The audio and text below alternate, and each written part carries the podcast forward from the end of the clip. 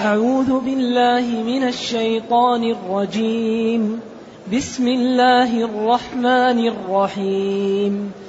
وإذ أخذ الله ميثاق النبيين لما آتيتكم من كتاب وحكمة ثم جاءكم ثم جاءكم رسول مصدق لما معكم لتؤمنن به ولتنصرنه. قال أأقررتم وأخذتم على ذلكم إصري؟ قالوا أقررنا. قال فاشهدوا وأنا معكم من الشاهدين.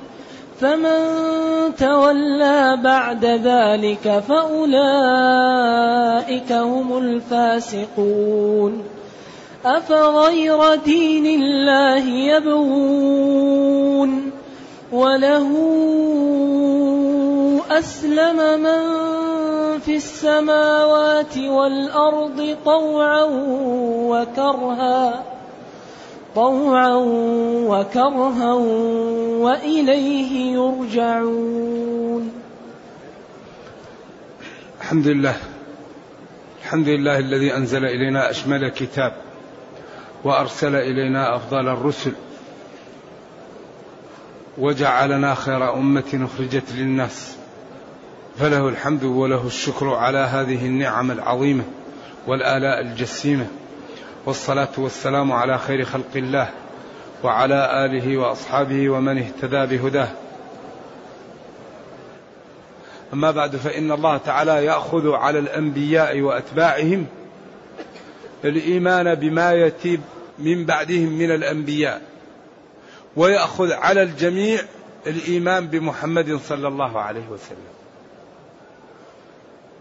إذا الأديان كلها يعني أصلها واحد وصحيحة. لكن بعض الأديان غير محفوظة. وبعض الأديان محفوظة. هذا الفرق. يعني هم يقولوا أنتم تقولون لأنفسكم شيء وتقولون للآخرين شيئا. لا غير صحيح. الإسلام دين محفوظ لأن معجزته ودستوره محفوظ. أما الديانات الأخرى لم يكن دستورها محفوظا وإنما وكلت إلى أهلها فضيعوها زادوا فيها ونقصوا.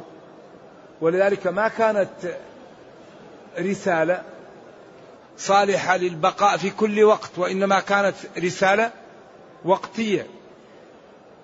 أما الإسلام فهو دين شامل لأن صاحبه خاتم الأنبياء فوضع في قوالب كل ما تجدد شيء يوجد له حكم. لأن الشريعة ما في شريعة بعد النبي صلى الله عليه وسلم لا نبي بعدي. وقال اليوم أكملت لكم دينكم. ومسائل الأناسيل الناس لا تنتهي والكتاب والسنة متناهيان. لكن وضعوا في قوالب وفي طرق كل شيء تجده. الشريعة وضعت في قوالب كل ما استجد شيء نحصله في الشريعة. ما فرطنا في الكتاب من شيء.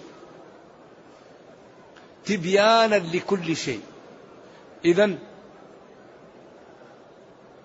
ولقد أخذ الله ميثاق النبيين لما آتيتكم أو لما آتيناكم من كتاب وحكمة ثم جاءكم رسول مصدق لما معكم لتؤمنن به ولتنصرنه. قال أقررتم وأخذتم على ذلكم عهدي؟ قالوا أقررنا. قال فاشهدوا وأنا معكم من الشاهدين. إذا هذا بيان وهذا أسلوب وهذه طريقة واضحة تبين أن الرسل صادقون وأن كل واحد يأمر بأن الثاني يصدق ولا يكذب. ثم الجميع يأمر باتباع محمد صلى الله عليه وسلم ويبين أن دينه خاتم الأديان وأن رسالته عامة للجميع. لذلك نحن الآن لا توجد قضية إلا وهي محلولة في كتابنا. أي قضية محلولة في القرآن. كل ما نحتاج إليه. يعني أي شيء تحتاجه الأمة في دينها أو في حياتها هو مبين في الكتاب. ولكن يحتاج منا إلى أن نقرأ الكتاب وأن نفهمه وأن نعمل به وأن نتتبعه ونستخرج منه.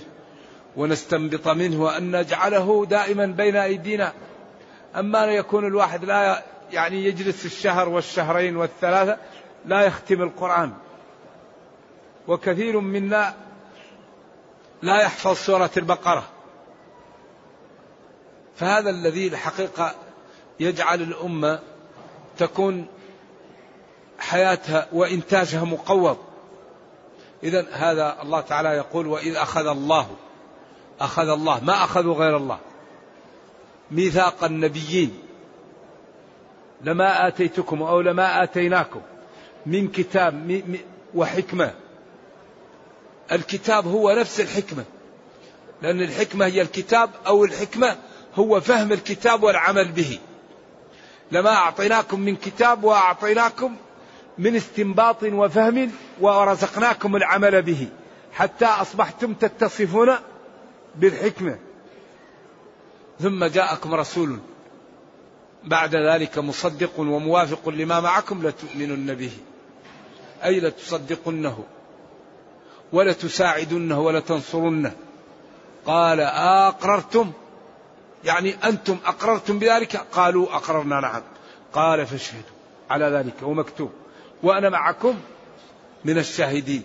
فمن تولى بعد ذلك ورجع عن ما أقر به من الإيمان بمحمد صلى الله عليه وسلم ومن عدم الكفر بالرسل فأولئك هم الفاسقون الفاسق الخارج. وأصل الفسق هو أن تخرج التمرة عن القشرة فسقت إذا خرجت. ومن الفويسقاء الفأر لأنه يخرج عن جحر ويأذي ومن الفواسق السبعة التي تقتل في الحرم ويقتلها المحرم. فالفسوق هو الخروج عن المألوف والمقصود به المعاصي. وللفسوق طرف أعلى وهو الكفر وله طرف أسفل وهو المعصية وكل يسمى الفسق. وقد عبر عن الفسوق بالكبائر في قوله تعالى وكره إليكم الكفر والفسوق والعصيان فجعل المعاصي ثلاث رتب كفر وكبيرة وصغيرة يعني معصية مكفرة ومعصية كبيرة غير مكفرة وصغيرة. وكره إليكم الكفر والفسوق والعصيان فجعل المعاصي رتبا ثلاثة ومنهم من يقول لا صغيرة أصلا لأن كل معصية كبيرة. ولكن الله قال إن تجتنبوا كبائر ما تنهون عنه نكفر عنكم سيئاتكم. وقال الذين يجتنبون كبائر الإثم والفواحش إلا اللمم. اللمم هذا لا يسلم منه أحد. النظرة والكلمة والأشياء. لا يسلم أحد من اللمم. وبعدين قال إن ربك واسع المغفرة. هذا يفرح المسلم كثير. الذين أحسنوا بالحسنى بالجنة. الذين يجتنبون كبائر الإثم والفواحش. إلا اللمم. الصغائر هذه لا يمكن واحد يسلم منها. بعدين قال إن ربك واسع المغفرة. فربنا كريم. ولا يهلك عليه إلا هالك. ولكن ينبغي أن نجتهد للدين كما نجتهد للدنيا. ينبغي لا ينبغي أن تكون الدنيا أحب إلينا من الدين. الأموال والأولاد محببة للنفس لكن لا ينبغي أن نجعل المال والولد قبل الدين. لا. إذا أردنا أن ينفعنا الدين وننتفع بالدين نجعل المال والولد مع الدين أو بعد الدين. إنما أموالكم وأولادكم فتنة. إن من أزواجكم وأولادكم فاحذرهم. بعدين قال وإن تعفوا وتصفحوا وتغفروا. لأن هؤلاء اللي مع الإنسان ينبغي أن أن يتغاضى عنهم وأن يصفح عنهم ويغفر لهم لكن ينبغي أن يكون حازما. لأنك إذا لم تكن حازما مع أهل البيت يودوك في مشكل. يخلوك تأتي بيش بالقنوات. القنوات بعضها مشكل وخصوصا بعض الأطباق تكون تحتها مئات القنوات. وبعدين النفس ضعيفة يخلوك تأتي بمشاكل يخلوك تسافر لبلاد إذا سافرت لها ترى ما لا يسرك. فالأولاد والأزواج إذا لم يتنبه الإنسان معهم دائما يسبوا له مشاكل لكن يكون حازم ويرحم بهم. ما يحتاجونه يكرمهم ولا يأذيهم وخصوصا في أمور الدنيا لكن يكون حازم في الأمور التي تضرك ولا تنفعهم. إذا طلبوا منك شيء يضرك أنت ولا ينفعهم هم قلهم لا لأن هذا أنتم لا تستفيدون منه وهو يضرني. ويحاول أيضا أن يكون تعامل مع أهل بيته بالإقناع. يعني لا يأمرهم بغير ما يقنعهم لا. لأن الدين يقوم بما لا؟ بالإقناع. لذلك الذي يريد أن يصلح أهل بيته نادي هذا الذي تفعل يضرك في دينك ودنياك. هذا لا يصلح. يعني يكون فيه حوار وإقناع. لذلك الشاب الذي كان شجاعا وجاء للنبي صلى الله عليه وسلم وقال له يا رسول الله إذن لي في الزنا. هذا الشجاع هذا كان كان عنده براءة وعنده بعدين على فطرة. قال له أدنو. أدنو. بعدين قال أترضاه إيش؟ لأمك. شوف أثار فيه مكامن اللي تخليه مكان أترضاه لأمك؟ قال لا. لأختك لا. قال كذلك الناس. شوف كذلك الناس. يعني هنا نحن ينبغي أي واحد مكلف بتربية سواء كان لأولاده أو لزوجه أو جعله الله مسؤولا عن شريحة من المسلمين يعلمهم أو يعني مسؤول عنهم يديرهم مثلا في مكتب أو أي أو شركة ينبغي أن يكون قدوة وأن يعلم الناس بالإقناع. أنت لا تتكلم وإنما أعمل. تريد يعمل شيء أنت روح وأفعله. هم يفعلون. الصلاة إذا قال حي على الصلاة توضأ واخرج من البيت. هذا قول للبيت تعالوا صلوا. إذا رأيت منظر غير طيب غض بصرك. هذا أقوى من غض بصرك. إذا سمعت كلاما غير طيب سك آذانك فالدعوة العملية هذه يفهمها الذكي ويفهمها الغبي. وطريق سلامة محققة. لكن إذا قلت للولد يا ولد تعال صلي. يأتيه ماذا؟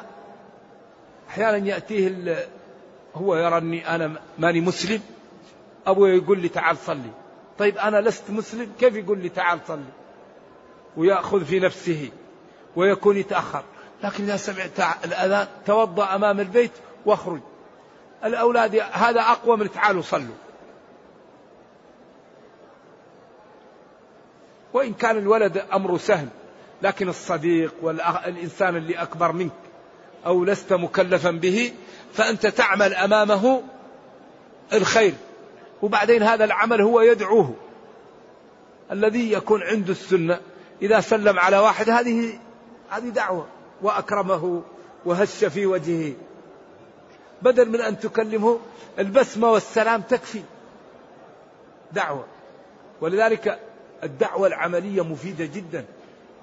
وهي التي تجعل الناس يقتنعون وتجعل الناس أيضا يسلمون. الإنسان إذا كان يدعو بفعله ما يمكن واحد يقول لك أنت متطرف تصلي في الصف الأول. سمعت واحد قالوا متطرف يصلي في الصف الأول؟ أو أنت متطرف تبر بوالديك وتكرم جيرانك؟ أو أنت مثلا تحسن على الضعاف تزور المرضى فالدعوة العملية طريق سلامة محققة. أما الشاب إذا جلس على المنبر وأراد يتكلم يقولوا له مسكين لسه ما فهم. بعدين يفهم. فالدعوة العملية مفيدة وبالأخص في البيت ومن الشباب. الشباب يقبل منهم الدعوة العملية. إذا سمعت حي على الصلاة تذهب إلى إلى المسجد. إذا احتاج أهل البيت لشيء أنت أول من يقوم به. إذا رأيت منظرا غير طيب تغض بصرك. فإذا أكرمت أهل البيت وصليت وقرأت القرآن في البيت وصرت أنت كل من يحتاج شيء تكرمه أهل البيت يقول والله ولدنا مؤدب. شوف إذا تكلمنا فيما لا ينبغي خرج وجلس في غرفة أخرى. إذا جاء منظر غير طيب غض بصره. هذا أقوى. أما إذا قلت للوالد يا والدي لا تأكل الغيبة يأخذ العصا ويضربك قد يكسر يدك. يا ولد قليل أدب. وإذا قلت لها يا أمي لا تغتاب تقول لك عجيب. من كان يحافظ عليك ويحفظك يا قليل الأدب. فيمكن فالدعوة العملية طريق سلامة محققة. ولذا الحقيقة آه، الصحابة نشروا الدين بالسلوك. النبي صلى الله عليه وسلم كان أكثر ما يدعو الناس بسلوكه. لما قالت وعليكم اللعنة قال يا عائشة لا تقولي هذا. أجبتهم. ما كان الرفق في شيء إلا زانه. ولو كنت فظا غليظ القلب لانفضوا من حولك. فقولا له قولا لجنا لعله يتذكر أو يخشى. وحري بالدعاء وبالطيبين أن يأخذوا الناس بالرفق وبالإحسان. لا يوجد شيء في الدعوة أنفع من الإحسان. والله جعل جزء من مال المسلمين العام لمن؟ لإدخال الناس في الإسلام والمؤلفة قلوبهم. فلذلك لا بد من و و ونحن أحوج ما نحتاج إليه أن تكون لنا برامج مع الشرائح التي أصيبت بالبدع التي أصيبت بلوثة فكرية. نرجو الله السلام والعافية. بعض المسلمين الآن يقول لك ليش ميراث الرجل أكثر من ميراث المرأة؟ طيب الله قال للذكر إيش؟ مثل حظ الأنثيين. هذا ردة اللي يقول هذه أمور هذا شرع من الله. لذا بعض الشرائح عندها بدع. بعض الشرائح عندها يعني مثلا آه، انحراف عقدي. بعض الشرائح عندها انحراف سلوكي. وهذه الشرائح ينبغي للطيبين أن تكون لهم برامج لإنقاذهم. الإنقاذ يكون بماذا؟ يكون بالإحسان وبالرفق وبإيصال لهم المعلومة بعيدة من التشنج ومن التعالي ومن السب ومن الشتم. فإذا أعطينا المعلومة مصاحبة بالإكرام وبالرفق وبعدم التعالي وبعدم التشنج بإذن الله تعالى أعطت هذه المعلومة أكلها ونفعت. أما إذا كان المنحرف لا نسلم عليه. وننظر إليه نظر شزر وسخرية ونظر احتقار. طيب ما يقبل منك والمنحرفون مرضى والمريض يحتاج أن يوضع له العلاج في العسل أو يبنج. الكلام الطيب مثل البنج. وضرب الله مثلا كلمة طيبة كشجرة طيبة. أصلها ثابت وفرعها في السماء. فالكلام الطيب طيب والأسلوب الطيب والزيارة والهدية والرفق وعدم مقابلة الإساءة بالإساءة. أنت داعية. أنت أسوتك من؟ محمد صلى الله عليه وسلم. لم ينتقم لنفسه. ما كافأ من أحد السوء. أبدا. إذا نحن ينبغي أن لا ننتقم لأنفسنا. وأن نحاول أن ننقذ إخواننا. كثير من إخوانك يكون على دين لكنه أخطأ. مثلا بعض المسلمين عندهم تأويل. بعض المسلمين عندهم بدع. بعض المسلمين عندهم خرافة. بعض المسلمين عندهم دجل. بعض المسلمين نرجو الله السلامة والعافية عندهم فكر مسمم. درس عن الغرب ودراسة الإسلامية قليلة ويرى الغرب يتأدبون ويهتمون بالنظام ويرى المسلمين لا يت... لا يهتمون بالنظام وقال إذا لو كان الدين هذا صحيح ويكون عنده لوثة. ما عنده علم قوي ورأى الغرب في هذا التطور وفي هذا الأدب ورأى المسلمين في هذا فأصبح عنده إيش؟ تسمم فكري. هذا يحتاج إلى أن يجلس معه ويحاور ويبين له حتى يزال ما عنده من من الشوائب. إذا الطيبون إذا لم يكن لهم برامج مع هذه الفئات والوحي انقطع من أين تأتي لهذه الفئات الهداية؟ إذا كان الطيب يهجر هذه الفئات ولا يعاملها. والنبي صلى الله عليه وسلم قال لا نبي بعدي. كيف تأتي لهؤلاء الفئام الهداية؟ وكيف ينقذون؟ إذا لا بد من إيجاد برامج جادة وأوقاف عملاقة للمنحرفين من المسلمين حتى يردوا إلى حظيرة السنة وإلى حظيرة مذهب السلف وإلى البعد عن الخرافة والدجل. ولكن هذا لا يكون إلا بالإحسان وبالرفق وبقوة البيان. أولا الإحسان إلى الناس ثانيا الرفق معها ثالثا قوة النزول في الساحة بالعلم بحيث لا يبقى لشخص يعني شبهة ولا يبقى له لوث فالأمور تجلى والأحكام توضح بحيث أي إنسان يريد أن يصطاد في الماء العكر فلا يجد مسلكا لذلك. وهذا يحتاج يعني من المسلمين إلى حوارات وإلى ندوات وإلى محاضرات وإلى نقاشات لأن الدين الإسلامي من أوله إلى آخره قائم على ماذا؟ على الاقناع. الإسلام كله قائم على الاقناع. اعبدوا ربكم الذي خلقكم. وإن كنتم في ريب مما نزلنا على عبدنا فأتوا بسوره.